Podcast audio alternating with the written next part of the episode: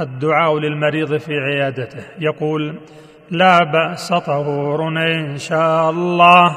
ويقول أسأل الله العظيم رب العرش العظيم أن يشفيك. سبع مرات.